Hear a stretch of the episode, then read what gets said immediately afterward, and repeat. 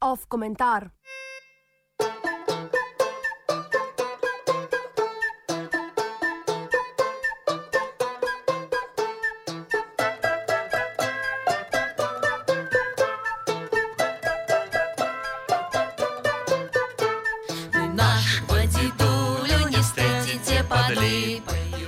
Kako postati gusar?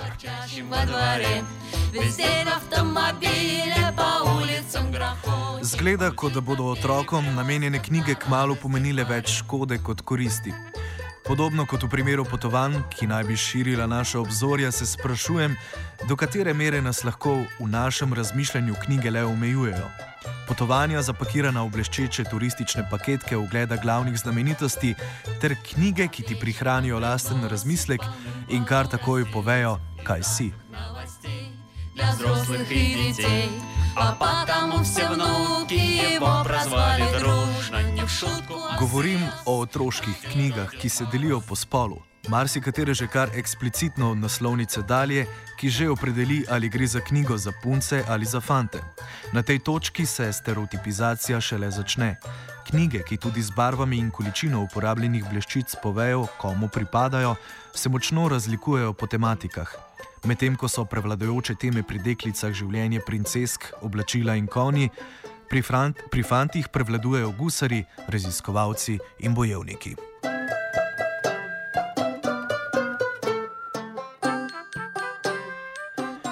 Ampak zakaj je to problematično?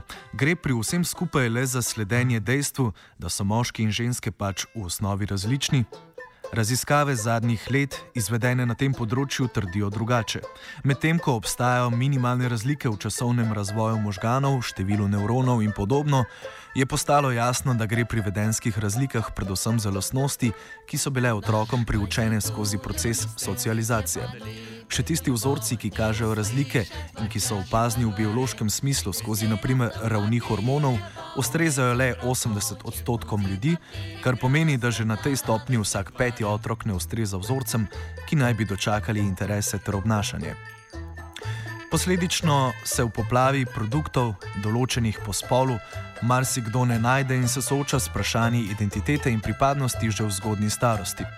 Težava ni toliko v tem, da obstaja knjiga o baletkah za dekleta, kot v tem, da obstaja veliko pomankanje knjig o drugih športnicah, raziskovalkah, zdravnicah ali celo piratkah. Knjige tako otroke omejujejo znotraj zelo oskih kategorij, ki jim kažejo na to, kaj so in kaj lahko postanejo tako se razlike med spoloma dejansko povečujejo in utrjujejo.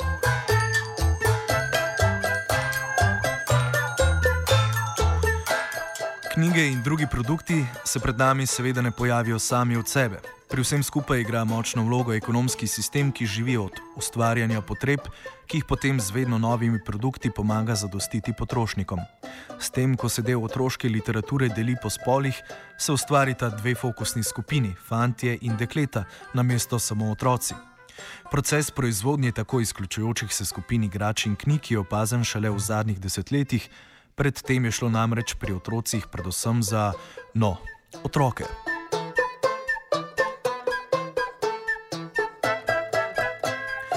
Oglas za Lego kocke iz leta 1981 tako kaže deklico v kavbojkah in modri majici, ki v rokah ponosno drži izdelek, medtem ko se besedilo reklamnega oglasa nanaša na pomen ustvarjalnosti za vse otroke.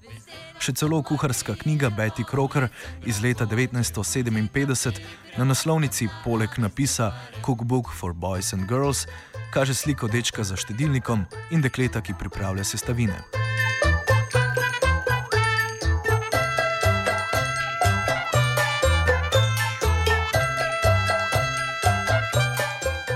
In kakšna je situacija danes?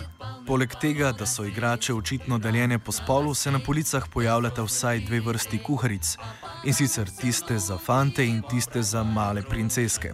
Tudi v primeru, ko razni naslovi ne vsebujejo eksplicitnih napisov, ki bi nevednim potrošnikom povedali, kaj je primerno za katerega otroka, je velik del preostalih knjig in igrač očitno namenjen le eni polovici otrok, kar sugerirajo barve in podobe na platnicah.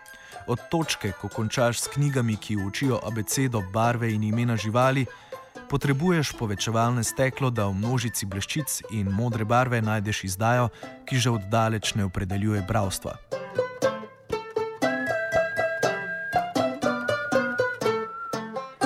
Gre za pojav škodljiv v več pogledih in vse skupaj je težko vreči kot nepomembno, čež da gre samo za otroške knjige, saj te igrajo pomembno vlogo v oblikovanju interesov in razumevanja sveta otrok.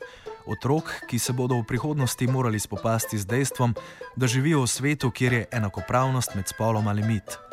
Težko pričakujemo zmožnost sodelovanja in uspešno spopada s problemom od generacije, ki je že od začetka učimo, da se zanimanja in značilnosti spolov v veliki meri izključujejo.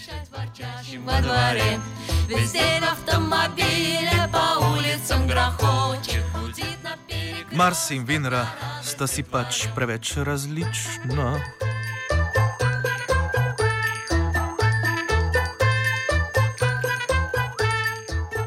Off komentar je pripravila Zala.